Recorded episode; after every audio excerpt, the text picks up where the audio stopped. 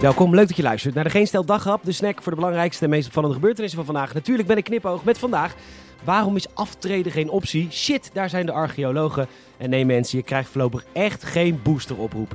Mijn naam is Peter Bouwman, dit is het nieuws van dinsdag 30 november.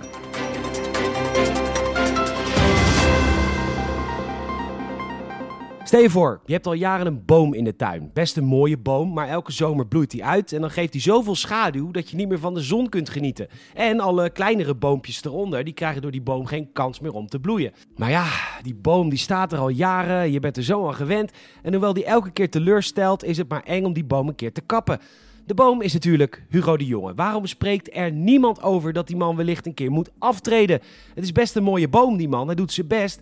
Maar nu weer met die boosters en we staan totaal voor lul in de hele wereld. En nog steeds kan Hugo de Jonge helemaal niks. Bulgarije heeft meer boosters gezet dan wij. Bulgarije! Ja, niks tegen Bulgarije, best een mooi land en zo. Maar oh, oh, oh, oh, wat wordt de Nederlandse zorg altijd geroemd in de wereld. Hoor je altijd van Nederlanders die werken in de Nederlandse zorg. Ja, sorry, maar we staan echt voor lul. Of nou ja, we staan niet eens voor lul want niemand buiten Nederland denkt ook maar één seconde aan Nederland. Ja, na de rellen in Rotterdam of de eerste vliegtuigen volgepakt met Omicron-leiers. Zo zag de internationale pers ons de afgelopen weken. Leg de BBC en de New York Times maar eens uit dat mensen die uit een vliegtuig stappen uit Zuid-Afrika, dat die mensen zich vrijwillig mogen laten testen als ze het eventueel zouden willen. Want dat is hoe het werkt in ons kleine, mooie, gekke kikkerlandje. En dat is niet allemaal de schuld van Hugo de Jonge, maar één keer een andere set ogen. Even iemand die anders denkt, omdenken, durft te vragen. Zou het mogelijk zijn dat misschien iemand anders het gaat doen? Dat Hugo de Jonge gewoon stopt. Je kunt een keer een fout maken, maar we etteren nu gewoon al veel te lang door. Aftreden is nu het moedigste besluit, maar nog het meest mee te winnen valt. Hugo treedt af. Chit, chit, chit, chit, chit. Het is bij iedere verbouwing het laatste waar je op hoopt. Dat je de grond lekker aan het openmaken bent en er wordt iets historisch ontdekt. Weg bouwdepot, weg plannen om alles voor de zomer klaar te hebben. Alle plannen in de prullenbak. De verbouwing van het Binnenhof is nog maar net aan de gang. Of er wordt alweer een muurwerk uit de 13e eeuw gevonden, al dus de NOS. Ooit gebruikt door ridders die de graaf bezochten. Bouwvakkers, als je denkt zoiets te vinden, dan dien je altijd je bek te houden. Ja, Harry, stort maar vol.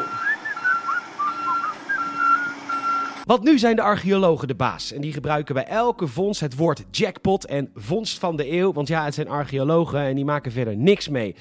Na het kerstreces van 2026 zou de verbouwing van het Binnenhof klaar moeten zijn. Maar vanaf vandaag kunnen we al gaan bijplussen. Nu maar hopen dat er verder niks gevonden wordt. Maar ja, het is een van de meest historische gebieden van Nederland. Dus bouwvakkers volgende keer gewoon echt je bek houden en volstorten.